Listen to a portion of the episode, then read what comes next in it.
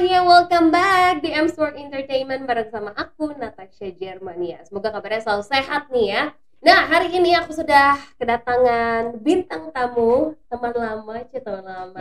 Nah, tapi tunggu dulu, sebelum aku kenalin nih, aku mau kasih informasi penting buat teman-teman semuanya. Jangan lupa untuk download aplikasi M Sport Entertainment karena di situ kalian bisa ngumpulin poin sekaligus bisa baca-baca informasi lengkap seputar olahraga gitu ya. Banyak banget di sana kalian bisa lihat konten-kontennya dan ngumpulin poin dan poinnya itu bisa ditukarkan dengan merchandise keren dari kita. Itu yang pertama. Poin kedua adalah yang penting ini uh, sekarang kan lagi banyak banget nih ya event-event olahraga yang berlangsung gitu ya nah jadi buat teman-teman nih yang mau nonton ataupun nobar gitu untuk event-event olahraga tersebut kalian bisa nih beli tiketnya di kita caranya gimana follow aja dulu instagram kita di @msportentertainment di situ kalian bisa dapetin informasi yang lebih banyak ya. Jangan lupa ada di bawah sini. Oke, follow. Dan sekarang langsung kita kenalan sama Kak Ibnu Jamil. Panggilannya Kak Jamilo. Ya, Jamilo.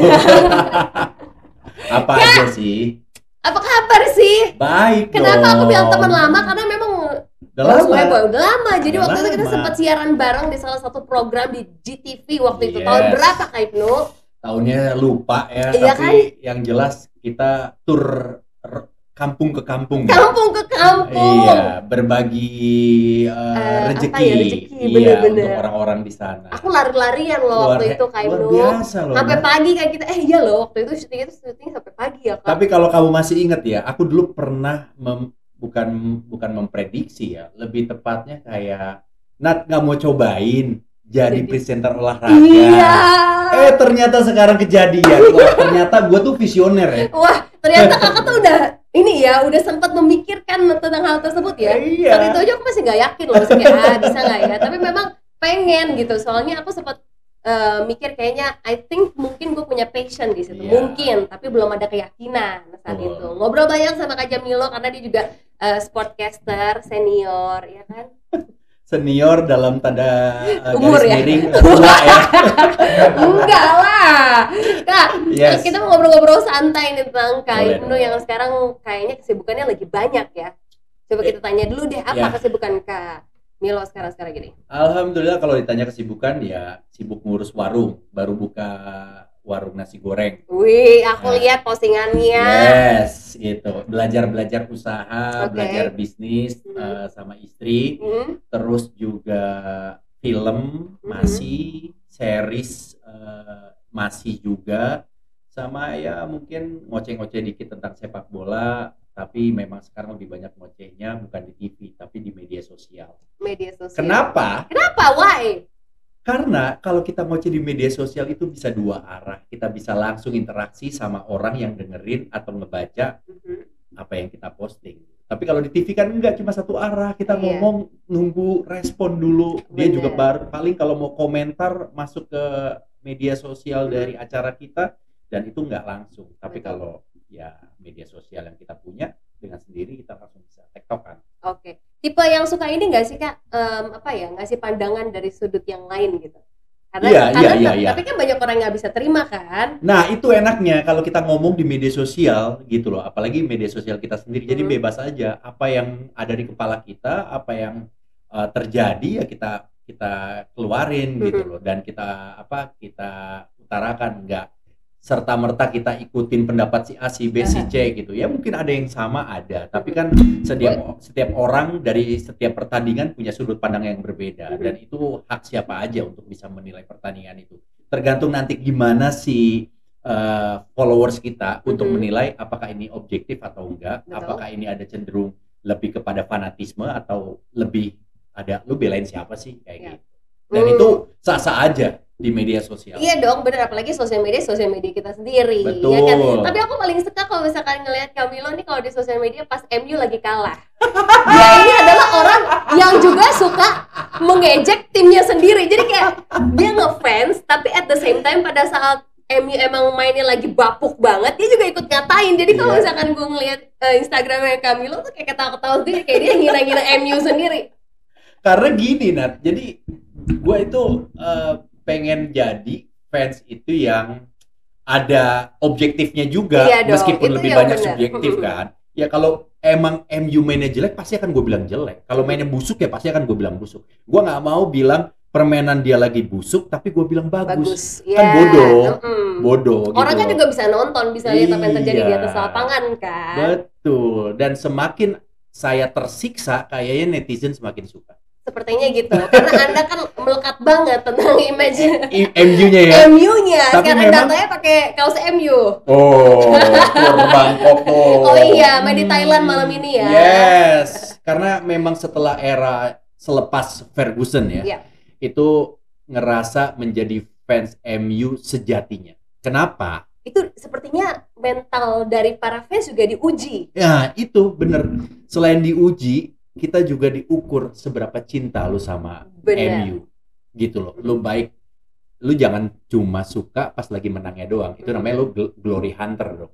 Atau lu suka nggak sama pas di saat dia lagi kalah, lagi susah segala macam. Nah itu. Dan gue juga pengen bilang sama teman-teman, kita jadi fans sebuah klub itu nggak serta merta kita harus fanatik. Dalam arti ya, Oke. lu jangan sampai dibutakan oleh fanatisme. Contoh misalnya, kita saking cintanya sama apa sebuah klub, jadi sebuah klub itu adalah di atas segala-galanya.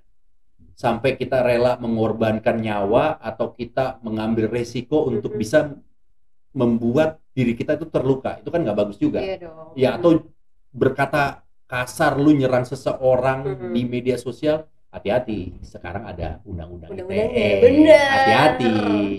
Itu dia. apalagi sampai mengorbankan pertemanan banyak kayak gitu Iya. kan sesama temen yang boleh satu- berdebat, Iya boleh dong. berdebat, lu punya argumen, teman lu punya argumen, tapi jangan sampai itu apa ya, di, diselesaikan dengan cara yang nggak beradab gitu. Lu Hmm. boleh ngeluarin data, ngeluarin data atau ngeluarin pendapat, ngeluarin pendapat, tapi pendapat itu selagi masih memang ko- konteksnya pertandingan Oke. atau eh, yang sesuai dengan kejadian itu apa salah. Kecuali lu sudah mulai menghina, nah itu menurut gue Hmm. kalau lu udah menghina, nah itu udah beda. Lu jadi fans bodoh bukan fans pinter. oke oke itu sebuah tips juga ya tentunya ya Ya pengennya sih kayak gitu. Pengennya Kita gitu. boleh berdebat kalau memang sesuai dengan kenyataan, tapi kalau lebih ke cenderung nyerang pribadi Aha. itu udah beda, nggak bisa. I see. Oke, boleh kita sampaikan dulu nanti akan kita bahas lagi karena sekarang aku mau nanya tentang bagaimana kehidupan setelah menikah sih kak Wah. ya Jamilo. Pasti kan beda, ya gak sih? More fun lah ya. Tuh, seperti mendapatkan booster bertubi-tubi. Oh, Ah. keren banget. Terus mulai dari setelah menikah banyak lagi nih bisnisnya karena memang istri entrepreneur ya, Yes, sangat eh, apa ya, sangat dalam gitu memasuki dunia masuk ke dunia bisnisnya. Bisnis. Dan kayak Jamila emang punya ide pada saat menikah akhirnya oh mau bikin bisnis lebih banyak atau sebelumnya kayak juga udah ya. Sebelumnya udah ada, sebelumnya udah ada. Ya, Tapi Batagor inget gak kak? iya betul gue. Itu dekat itu dekat apartemen aku loh. Oh iya? Iya Batagor. Dulu terus ada mie ayam. Oh iya mie ayam benar-benar. Ah, jadi itu usaha-usaha di era pandemi. Oh iya. Iya. Hmm. Jadi pas lagi syuting tiba-tiba ternyata batal semua, schedule jadi berantakan dan lebih banyak di rumah. Aha. Nah tiba-tiba temen tuh ngabarin, mau nggak buka ini, bikin ini, dagang ini yuk, kita bisa jual dari rumah nanti kita anterin pakai eh, apa namanya, pakai ojol. Iya. Wah, oke juga nih idenya, Mhm. boleh deh kita coba. Ya udah, jadi eh, jualannya by online Oke. dan aku juga promosinya menggunakan media sosial aku Mhm. aja, nggak nggak ada konsep gimana gimana, lebih natural aja. Nah alhamdulillah eh, laku. Nah Oke. setelah itu eh, pas kalau ketemu Ririn yang tadi Mhm. Nat tanya apakah ada planning nggak ada sebenarnya ya planningnya cuma pengen nikah pengen hidup bersama-sama pengen menghabiskan sisa hari tua ini sama-sama karena kita punya banyak kesamaan ya meskipun pasti ada perbedaan Iya. nah itu kita tinggal beradaptasinya seperti apa aja kalau untuk planning buka usahanya nggak ada tapi ternyata pas kita ngobrol-ngobrol ternyata cocok nah gimana kalau kita juga kerja sama-sama aja toh kan kita sekarang udah suami istri Iya. gitu Enak ya kalau suami istri mengerjakan Iya. suatu hal yang memang sama-sama suka. Itu dia kenapa saya nikahin dia. Karena begitu saya nikahin saya nyari duit lebih getol lagi dan uangnya itu buat keluarga dan juga buat istri dan itu ibadah. Iya dong.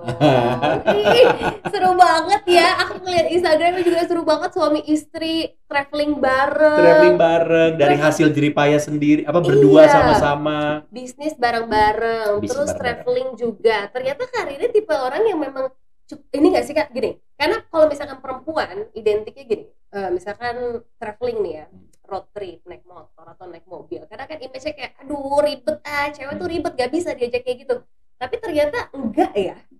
Apalagi dulu ya Ririn sebelum sebelum aku kenal banget Ririn itu kan wanita eh, apa ya sosialita eh, enggak enggak, bukan bukan sosialita apa ya lebih tepat ya Eh, cewek banget lah oh elegan fashionable fa- fa- Oke. fashionable Mhm, mhm. atau fashionista atau apa segala macam lah pokoknya ce- yang cewek banget Cewek yang banget. dandan banget gitu Oke. loh Nah, Mhm. image-nya dan dan dan yang yang aku lihat kan kayak gitu.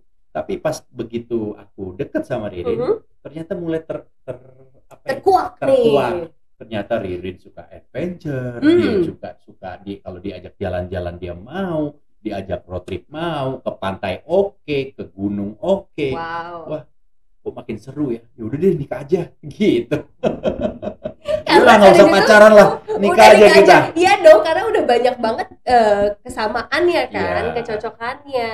Terus kalau Betul. untuk eh, road trip road, road trip gitu emang sering dilakukan kak? Kayak misalkan eh, emang rajin sebulan sekali, emang terschedule kah atau Eh, tanpa plan biasanya? terschedule eh, enggak banget tapi tanpa plan juga enggak jadi memang Ririn dan eh, aku itu selalu ada yang namanya kita eh, date time atau ngedate lah jadi kita eh, saatnya pacaran nih Mhm.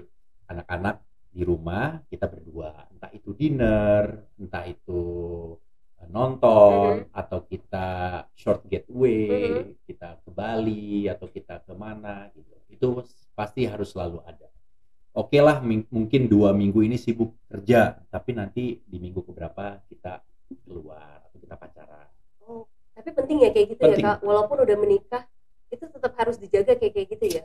iya karena jangan sampai hubungan ketika kita pacaran dan berumah tangga itu jadi sesuatu hubungan yang berbeda banget Hmm. pengennya kan pas lagi pacaran emang seru loh orang Iya, pacaran kan seru kan oh give the best lah. betul bunganya kayak banyak gitu loh Iya. ada di mana-mana Hmm. gitu tapi pas begitu kita nikah mulai ngurusin terlalu fokus sama kerjaan Iya. fokus sama ini terus jadi lupa untuk bikin apa namanya eh, percikan-percikan kayak dulu waktu pacaran dan itu penting gitu kalau buat kita berdua jadi makanya eh inget ya jangan terlalu sibuk kerja gitu.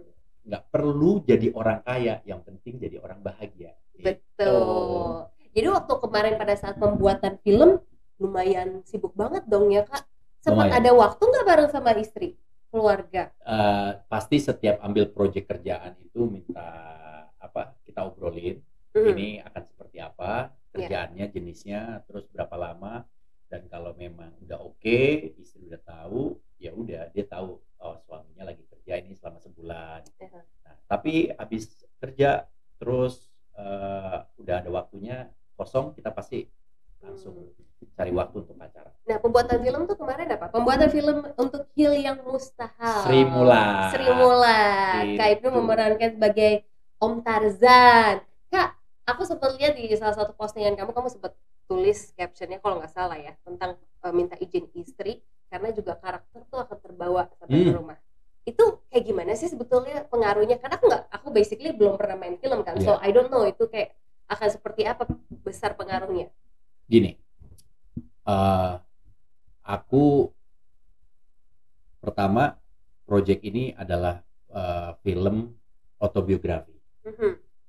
ceritanya beneran ada Iya, karakternya itu beneran ada nah terus aku pelajarin karakternya seperti ini segala macam dan itu akan menjadi tolok ukur kan dari sisi si aktornya ini untuk bisa memerankan sedekat mungkin atau semirip mungkin Iya. dengan karakter yang kita ambil.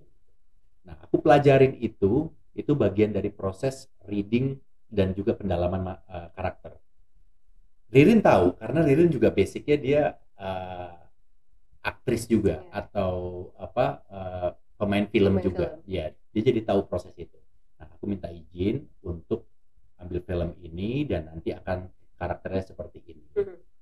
tapi eh, pas begitu proses workshop berjalan awalnya aku merasa aku masih belum dapat belum dapat nih satu sisi aku merasa takut karena ini kan eh, Pak Detarsan ini kan eh, hampir semua orang Indonesia yang sudah mungkin bapak-bapak pasti tahu lah Iya betul. Tarsan Sri Mulat itu seperti, Seperti apa. apa, benar. Iya, mungkin kalau untuk uh, Gen Z saat ini masih ya perlu penjelasan lagi. Mhm. Tapi kalau yang sudah dewasa dan pernah nonton Sri Mulat pasti tahu. Mhm. Dan itu kan akan jadi parameter. Ah, Ibnu Jamil nggak mirip, ah nggak cocok kayak gitu. Bener, bener. Ya, bener, jadi iya. itu yang harus Beban aku ya. beban yang harus aku uh, bentuk Mhm. karakter di apa Pak Detarsa di dalam diriku. Nah, begitu selesai workshop latihan, nggak tahu kenapa itu masih terbawa sampai rumah.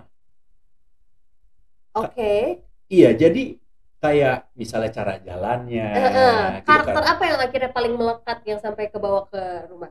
Iya, gini, Pak Detarsan itu bukan tipe orang yang murah senyum, yang apa gitu Oke. di di era itu ya. Dan di cerita itu aku dalam tanda kutip ya harus bisa membuat ada lawan main aku tuh eh, kesel.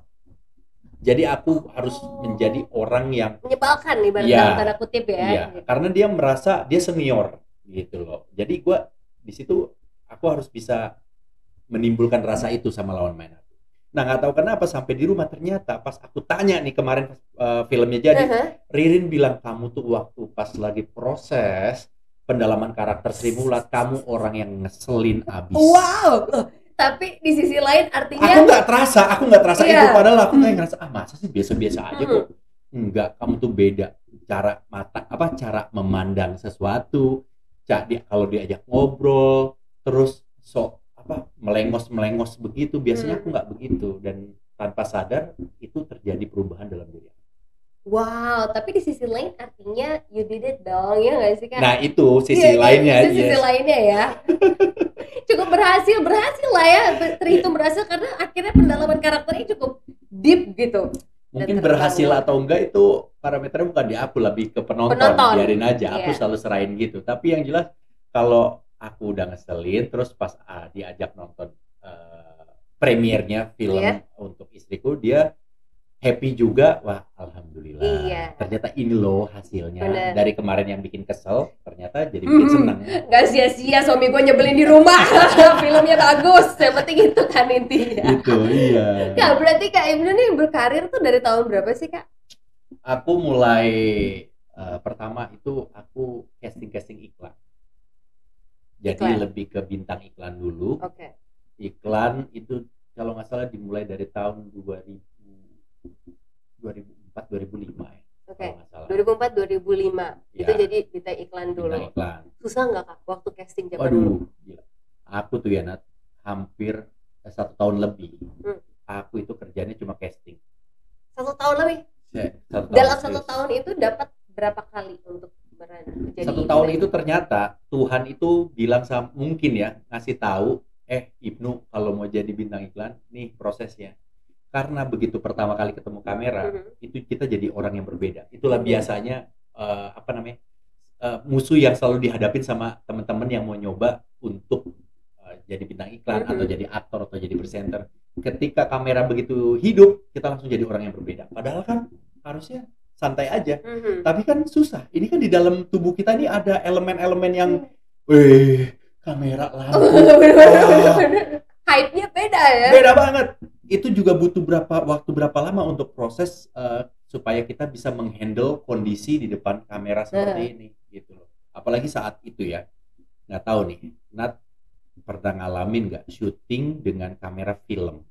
Oke. kamera film itu kalau eh, apa namanya slide-nya udah muter itu sumpah super deg-degannya luar biasa. Jadi eh, direkturnya bilang eh, apa action kamera roll and action gitu pas Mhm. begitu kamera roll tertek nah itu tanda untuk kita berakting dan di situ begitu kita acting dan ternyata salah wah gila karena film itu harganya mahal banget Oh, jadi beban ya bagi pemain. jangankan pemain, semua itu tim. Wah, jangan sampai salah nih. Makanya kalau dulu ya, syuting iklan atau syuting film itu kita lebih banyak latihannya. Jangan sampai pas begitu udah take banyak salahnya nggak boleh. Oh, nah itu yang justru bikin kita deg-degan karena kan pressure kan kak. Terus kayak aduh gue takut di Iya. dimusuhin satu lokasi iya kan satu satu republik lokasi. Satu republik lokasi. terus akhirnya jadi bintang iklan nah Iya, awal mulai jadi eh bintang iklan terus akhirnya awal mula mempunyai jalan sampai ke sportcaster tuh gimana kayak gitu Eh, karena gini, olahraga itu kayaknya ternyata DNA-nya Ibnu Jamil. kayaknya deh kakak kan suka Meskipun- olahraga Yes, meskipun nggak menjadi atlet pro atau atlet, tapi sampai di usia sekarang untuk disuruh yang namanya ngelakuin olahraga, main bola, lari, nggak usah disuruh, Mm-mm. pasti dengan sendirinya pasti main gitu. Main basket. Dulu pertama kali basket. Basket sampai putaran DKI, Mhm. eh, kelompok umur junior itu klubnya Satria Muda. oh Iya, aku junior Satria Muda. Eh, terus ah, aku masuk Libama Mhm. di kampus, tapi cuma satu season. Ternyata di situ aku sadar kayaknya skill aku nggak nambah nih. Aku Oke. lebih lebih objektif aja lah. Kayaknya nggak cocok nih di atlet nih. Beralihlah ke depan kamera. tapi sempat mau nggak jadi atlet kak Oh, karena kan pengen banget. eh. Dulu zaman SMA dan kuliah tuh pengen banget Mhm. jadi atlet. Tapi ya itu dia. Kita harus sadar diri dan juga objektif. Nih umur udah berapa, terus skillnya sih masih belum nambah-nambah. Mhm. Wah, enggak deh. Jadi kayak kan di luar negeri juga gitu. Kita tuh dibatasin sama sekolah bolanya Oke. atau pelatihnya. Usia kalau nggak salah 15 tahun ke bawah Mhm. itu masih bisa untuk di dibentuk gitu dibentuk iya tapi pas begitu 15 tahun ke atas itu eh, anak dan orang tua harus sudah mulai menentukan akan jadi atlet atau enggak ya. Oh. gitu jadi nanti bisa kita eh, belokan misalnya ke lebih ke sport bisnisnya Mhm. atau eh, lebih ke ngurusin mungkin jadi direktur eh, marketing dari sebuah klub jadi yang bersangkutan lah ya bersangkutan dengan Bersangkutan, olahraga oke. bisa ke sana arahnya Mhm. gitu makanya eh, usia 16 sampai apa dari 15 kalau nggak salah 15 16 itu Mhm. itu kita masih bisa untuk ya apa belajar belajar tapi pas sudah masuk makanya kan timnas paling muda berapa 16 apa ya, U16 ada. U16 19 nah di situ start untuk yes lu lanjutkan untuk jadi Iya. atlet tapi kayaknya lu nggak berbakat lu Oh. silakan cari yang lain Tapi akhirnya kakak memutuskan untuk ya udah mencoba jadi Bidang yang lain. bidang yang lain, tapi masih dengan olahraga juga. dengan olahraga karena waktu kecil waktu SMP ya kalau nggak salah itu nonton basket kalau eh, nama eh, nama sportcasternya eh, Mas Ari Sudarsono legend Wow, oke. julukannya tuh peluit emas si peluit emas karena dia dulu pernah apa menjadi wasit Mhm. untuk kejuaraan apa ya? Pokoknya tingkat Asia deh, Oke. kalau nggak salah untuk perwakilan Indonesia. Dan itu prestasi terbaik yang pernah diberikan dunia basket Indonesia. Mas Ari Sudarsono itu kalau bawain basket dulu NBA Banget di iya di RCTI kalau nggak salah itu suka banget. Terus abis itu malamnya suka nonton Liga Champion dan Mhm. Serie A. Eh, terus ada presenternya itu Om Ricky Jo ada Bung Olan Fata dan Mas Tris Irawan wah Oh, legend ada legend Tamara Geraldine. Oh, iya ya. Tamara Ta- Geraldine. Terus siapa lagi ya ada kalau untuk kontributornya ada Bung Rayana Jaka Surya Mhm, itu ngelihat mereka tuh kayak keren-keren ya itu mhm. kayaknya duduk di situ pakai jas ngom- Ngomongin, tentang ngomongin, olahraga. iya ngeluarin apa informasi-informasi iya, data-data yang wah jadi kelihatannya wah keren keren keren, betul. keren ya benar-benar. suatu saat gue pengen ada di situ benar-benar. Terus akhirnya dapat jalannya ke sana. Gitu. Tapi jadi sportcaster bola dulu waktu itu ya kak? Enggak, jadi pas setelah iklan-iklan langsung main ke film dan sinetron uh, dan presenter. Tapi belum presenter olahraga. Tap- uh, dan ternyata hati kecil aku tuh dari awal main sinetron, aku tuh selalu mengidolakan gitu loh. Orang-orang yang canggih banget ngoceh tentang olahraga Mhm. di depan TV. Mhm. Jadi pengen banget kalau dapat program acara olahraga, entah itu magazine sport Oke. atau mungkin uh, pertandingan sepak bolanya, pengen banget. Nah di tahun 2010 lah aku mendapatkan kesempatan itu. karena awalnya main bola apa main futsal terus ngobrol sama komentator-komentator yang sudah siaran Mhm. terus eh, mereka ternyata masih kekurangan komentator atau host lah untuk ini eh, untuk Liga Spanyol kalau nggak salah. Ngomong lah. Eh mau dong. Cuma ngomong gitu doang. Mau coba dong. Emang lu bisa apa emang lu mau? Yaudah ntar gue bilangin deh. Bilangin Terus? diundang casting. Ternyata dipikir casting kan? Mhm. ternyata langsung suruh siaran match. Jadi kakak ngehnya itu casting, Mm-mm. tapi ternyata langsung siaran untuk live langsung match. siaran live match. Tapi gimana? Langsung punya confidence gak? Atau eh nekat oke? Nekat. Materi itu kan materi harus siapin juga kan? Eh, kan? materi harus siapin Harus tahu kan? tapi sebelumnya uh, ngerasa ini materi udah baca-baca baca-baca Eh, koran eh. waktu itu masih ada uh, tabloid Koran. bola Oh, sama bola, ya, GO eh, GO eh. dulu baca gitu wah Hmm. siaran ini oke oke oke oke bikin catatan dikit tiba-tiba pas datang uh, TV One saat itu Eh. Masih ingat banget nama produsernya adalah Bung JP nah Bung JP Oh my god, produser aku juga di Iya UC kan? sekarang. Ah itu tanya sama dia, dia tahu banget sejarahnya. Ibnu Jamil tuh yang salah satu me- memberikan kesempatan adalah beliau, Bung JP. No, woi gimana apa kabar baik baik. Eh, gimana udah siap? Ya mudah-mudahan siap. Oh, bawa apa? Ah, bawa ini aja. Cuma bikin, iya klasmen, Mhm. menang kalah, terus sama nama pelatih, nama pemain. That's it. Oh, oh. Terus langsung, terus? oh segini doang. Lu yakin? Hah? Emang kenapa? Wah, eh, kalau biasanya itu catatannya tuh harus banyak kalau Mhm. untuk bawain live match. Karena kita akan ngebongkar atau eh, ngebedahnya itu nggak cuma sekedar eh, pertandingan menang kalahnya aja, Betul. tapi biar lebih deep lagi, lebih dalam lagi ya lu harus punya atau bisa menganalisa eh, dari data-data yang lu kumpulin. Misalnya dari jumlah gol dan juga jumlah kebobolan. Mhm. Dari jumlah itu kan ada ada ada ini ada sesuatu pertanyaan. Kenapa bisa lebih banyak jumlah kebobolannya Iya. daripada jumlah golnya? Mhm. Artinya apa? Lini belakangnya kan ada masalah. Masalah. Nah, langsung diturunin lagi. Siapakah lini belakangnya? Ada Oke. pemain A, pemain B, pemain C, pemain D. Hmm. Bagaimana performa dia? Itu langsung Mhm. statistik pemainnya. Wah, gila Belum- pusing banget belum- gua. Waduh. Belum ngebandingin dengan musim lalu. musim lalu belum lawannya lagi Bener. belum head to head lini per lininya Mhm. segala macam ya kalau bisa dan dan ternyata itulah ilmu yang gua dapet dari eh, siaran bola di awal oh ternyata lu kalau udah eh, ingin melakukan tugas lu harus punya persiapan yang baik Matang, ya betul betul. ya tanpa adanya persiapan lu sama aja mau perang tapi nggak bawa senjata Mhm. nah itu Iya. penting apalagi kita depan layar nih depan Iya, apalagi live kan. ya Kak. live yang terlihat bodoh atau tidaknya itu kita Betul. Iya, atau mungkin ada yang salah dengan siaran itu tetap kita.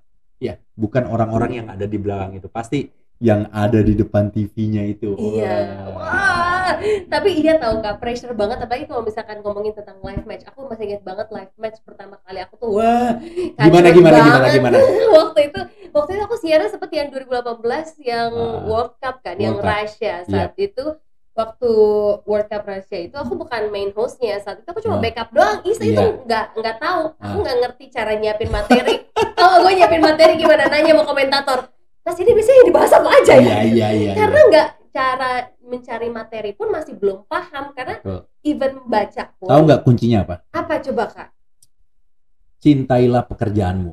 Niscaya pekerjaanmu akan mencintaimu. Jadi aku Hmm. itu yang aku pakai kalau aku suka sama pekerjaan itu pasti informasi-informasi data-data yang sulit aku eh, atau orang lain dapatkan itu dengan mudahnya langsung bisa keserap dan nempel di otak iya benar coba dibayangin kali gini oke kamu misalnya suka nonton film. Korea suka nonton film Korea tiba-tiba kamu tanpa ada yang eh, masukin informasi kamu teman kamu nanya kamu dengan lihai jago banget ngomongin tentang film Korea.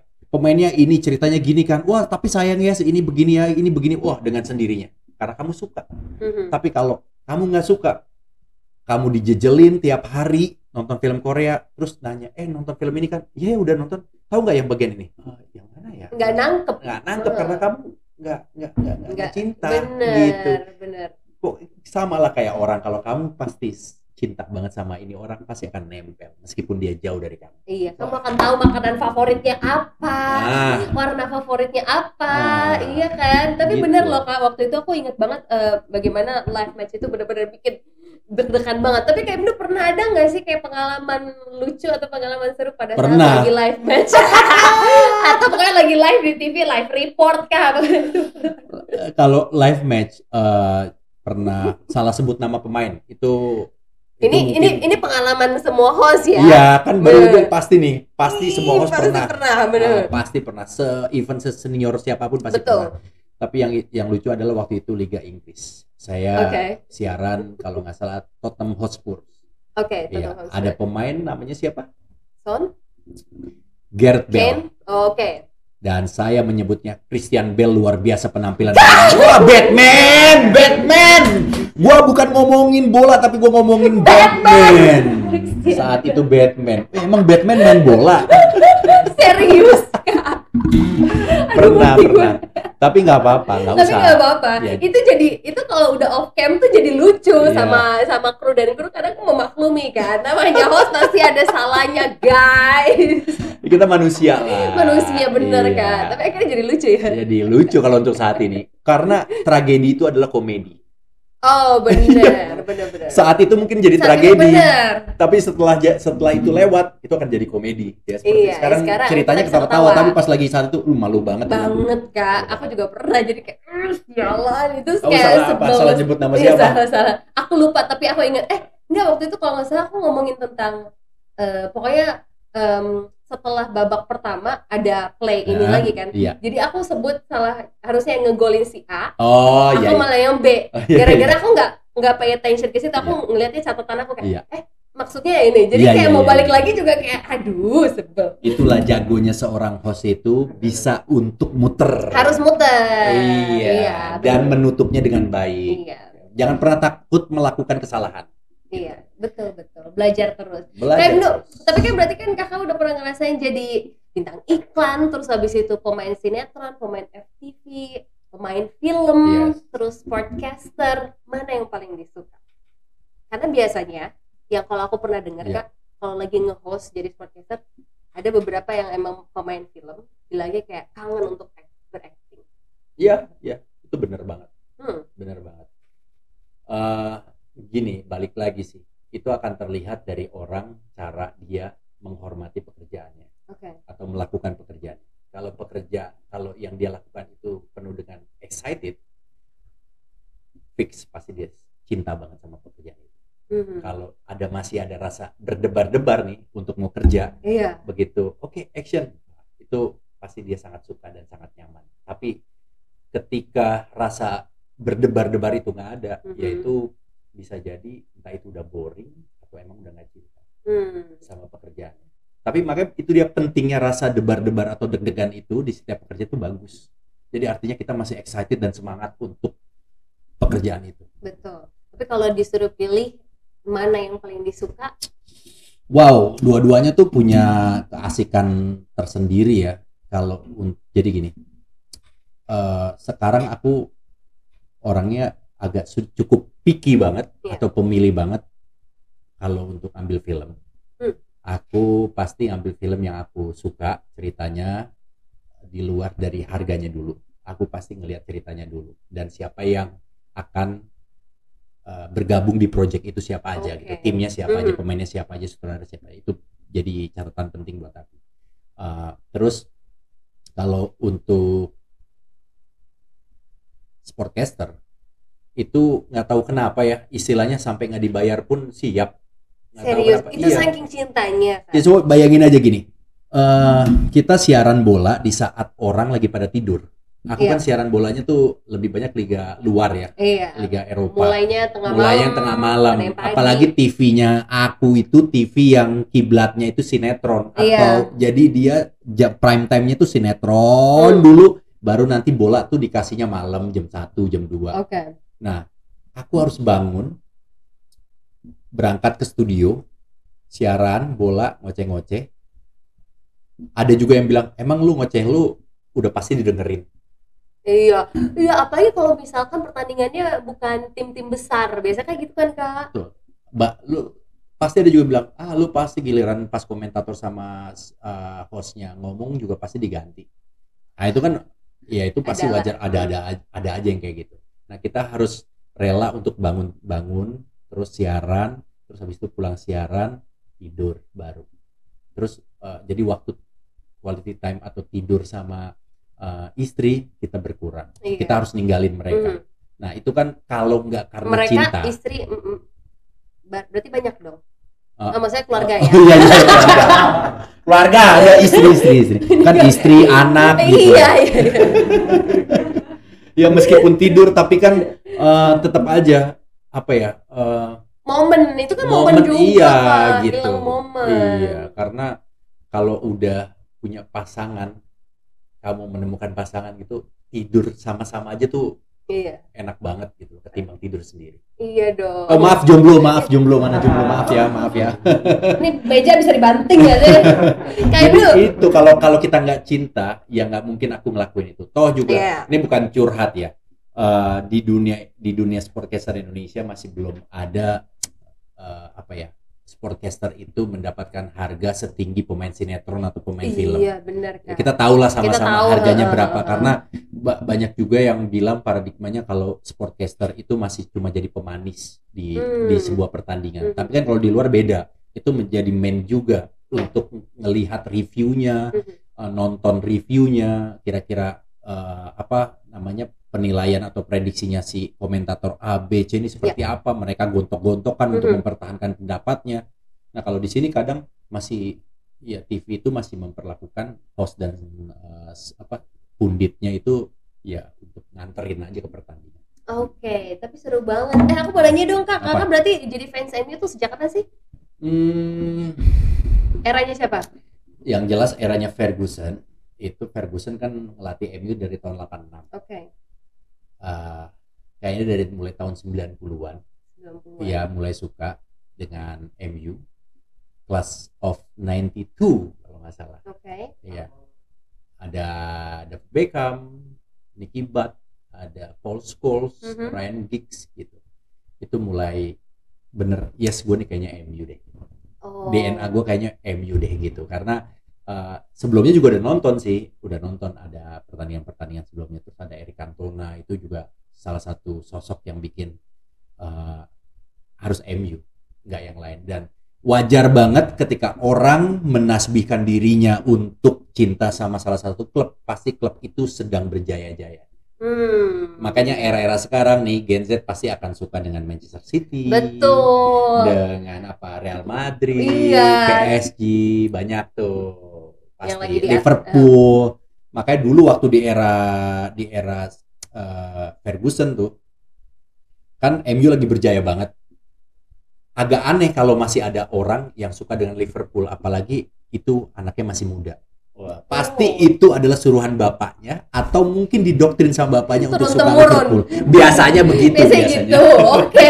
Nah, ngomong-ngomong tentang Manchester United sama Liverpool pas banget nih malam hari ini akan ini kan ya bertanding di Thailand. Thailand. Prediksi dikit dong, Kak Ibnu akan seperti apa nih? Apakah Kak Ibnu? Ini ngomongin Nanti- dulu tentang MU di bawah Ten Hag kali ya. Oh, oke, boleh. Kita review sedikit ya MU di bawah Ten Hag. Eh, selalu MU itu setelah eranya Ferguson yang namanya sosok baru atau karakter baru yang bergabung dengan MU adalah sebuah harapan.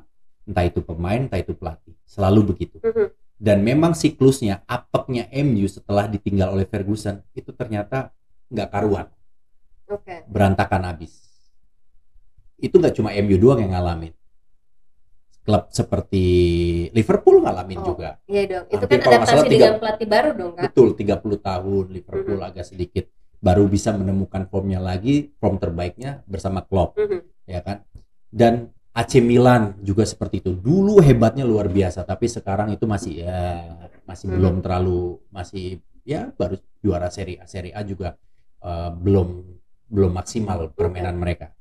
Tapi ada satu klub dan menurut gue ini pendapat pribadi gue, salah satu klub yang paling jago untuk eh, mengembalikan sesuatu kondisi yang rusak itu dengan cepat. Real Madrid. Real Madrid itu salah satu tim yang istilahnya terpuruknya itu nggak lama-lama banget Mhm. Ya Mhm. paling satu musim dua musim dia jelek tapi besoknya bisa bangkit lagi. Oke. Nah kalau klub-klub yang tadi termasuk MU itu memang nggak tahu kenapa ya kutukan atau mungkin eh, apa ya eh, ilmunya atau jurusnya udah habis. Oke. Nah itu jadi harus kayak bahasa orang Indonesia tuh kayak perlu diruat deh klub-klub kayak gini. Rukiah itu juga. kita bisa jadi. Tapi kan berarti kan ini perjalanan panjang nih bagi Manchester United untuk bisa kembali menemukan formnya. Nah. Nah, apakah Ten Hag bisa jadi menjadi jawaban bagi Manchester United? Balik lagi tadi yang seperti saya bilang, setiap orang yang datang ke MU itu adalah sebuah harapan dan termasuk Ten Hag. Oke. Ten Hag itu adalah sebuah harapan Mhm. bagi fans MU dan juga MU-nya sendiri untuk bisa bangkit lagi. Targetnya untuk yang awal menurut gue pribadi ya, bukan piala, tapi bagaimana cara mereka bermain bisa menyamakan atau bisa berkompetisi dengan Liverpool dan juga City. Yes. Karena karena permainan mereka tuh kemarin nggak jelas banget gitu Iya. loh. Kadang bagus, kadang, Kadang- jelek, Kadang jelek banget. ka- tapi kadang jelek bangetnya nggak kadang, sering. Sering, Heeh. sering. Sering banget. Waduh, gila itu timeline atau komen gua aduh banyak. rame, rame banget. Tuh, terkadang tuh rasa kesel itu semakin kita cinta terhadap MU. MU. Itu. Gitu ya? Iya, nggak tahu gitu kenapa ya. Nggak tahu kenapa itu yang gua rasain sih, tapi gue yakin juga pasti banyak juga yang ngerasain Hmm. hal yang sama. Istilahnya kalau nggak sabar-sabar banget, orang juga mungkin ah udah deh ganti deh, ganti Hmm. tim deh.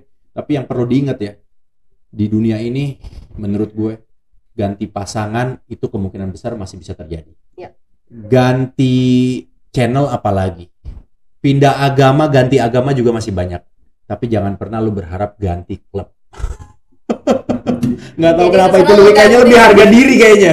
Lebih harga diri. Iya dong kak, apalagi kalau klub itu udah melekat banget kan sama gitu Iya. terus harus ganti, aduh jangan banget. Waduh. Kak, Hmm. tapi prediksi kalau misalkan lawan Liverpool malam ini gimana nih? Eh Oh. by the way, Ten Hag nih bawa back kanan ya, satu ya? Ten Hag iya, Tyrell uh, Tyrell Malaysia. Mas ya? Oke, nah itu Gimana yang nih baru prediksinya? didapat. Jadi prediksinya gini, uh, Ten Hag itu diharapkan untuk bisa merubah penampilan MU betul. Uh, dengan aturan atau juga cara berlatih. Tapi yang jelas uh, hadirnya Ten Hag ini pasti ingin memperbaiki apa yang rusak. Mhm. Dia datang untuk mendiagnosa dulu di musim pertama dan untuk pertandingan nanti malam uh, berhak semua fans MU untuk bisa mendapatkan hasil terbaik. Mhm. Tapi jangan terlalu berharap perubahan itu langsung cepat.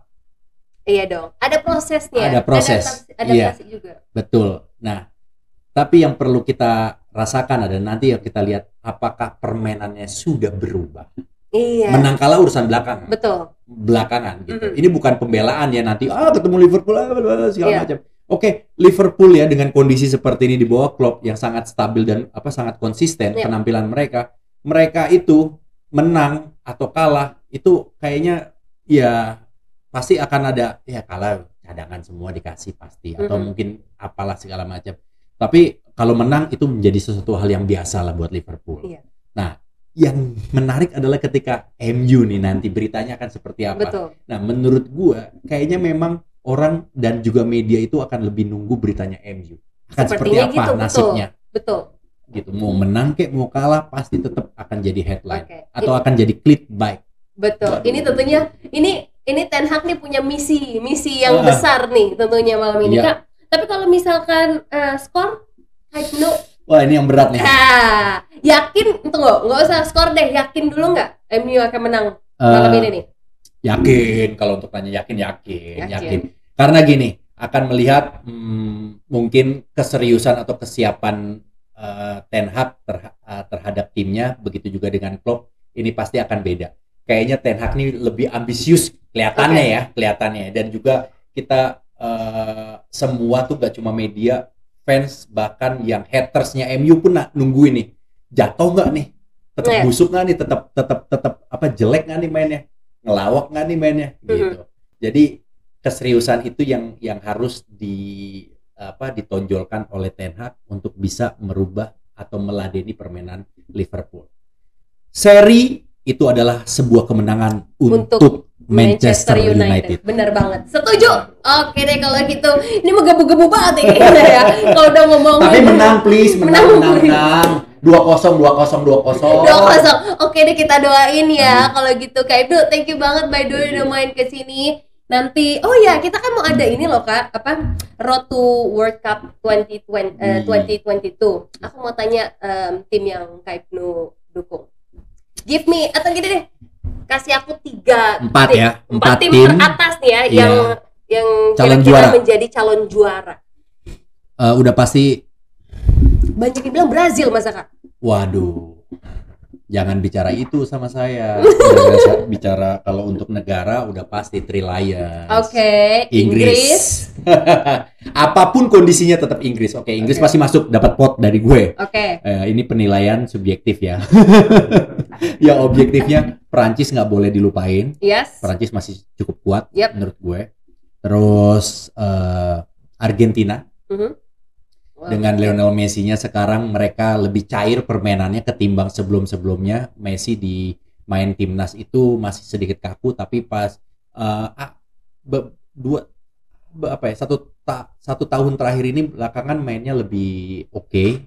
Dan ternyata memang Messi itu kalau bermain di timnas udah mulai harus mundur ke belakang. Dia Iya. harus lebih menjadi otaknya permainan gitu bukan harus menjadi eh, finishing touch-nya. Tidak harus selalu terus Perancis Inggris. Inggris Apa tadi? Inggris, Prancis, Argentina. Argentina mungkin apa ya Jerman kayaknya enggak masih belum Eh, ya biasanya langganan Jerman Mm-mm. Jerman itu memang negaranya sepak bola kuat banget tapi untuk kayaknya ini enggak gue pengen bikin ada agak sedikit kejutan Eh, Belgia kayaknya Wow, oke, ini jarang banget aku belum pernah dengar nih. Sekarang eh, bintang tamu bilang Belgia. Oke, Kak Ibnu pengen ada kejutan. Jadi salah satu yang mungkin yang Ada- mungkin juara di antara empat negara itu oke, kita akan keep ya video ini.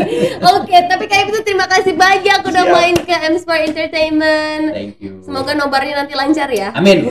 Terus kita akan lihat nih seperti apa Manchester United melawan Liverpool malam hari ini. Sekarang kita tunggu. Thank you banget Kak. Sehat terus. Salam untuk keluarga. And buat teman-teman semuanya jangan lupa ya untuk download aplikasi M Sport Entertainment. Di situ kalian bisa lihat konten. Di situ banyak informasi terupdate seputar olahraga. Terus kalian bisa kumpulin poin dan poin itu bisa ditukarkan dengan merchandise dari kita.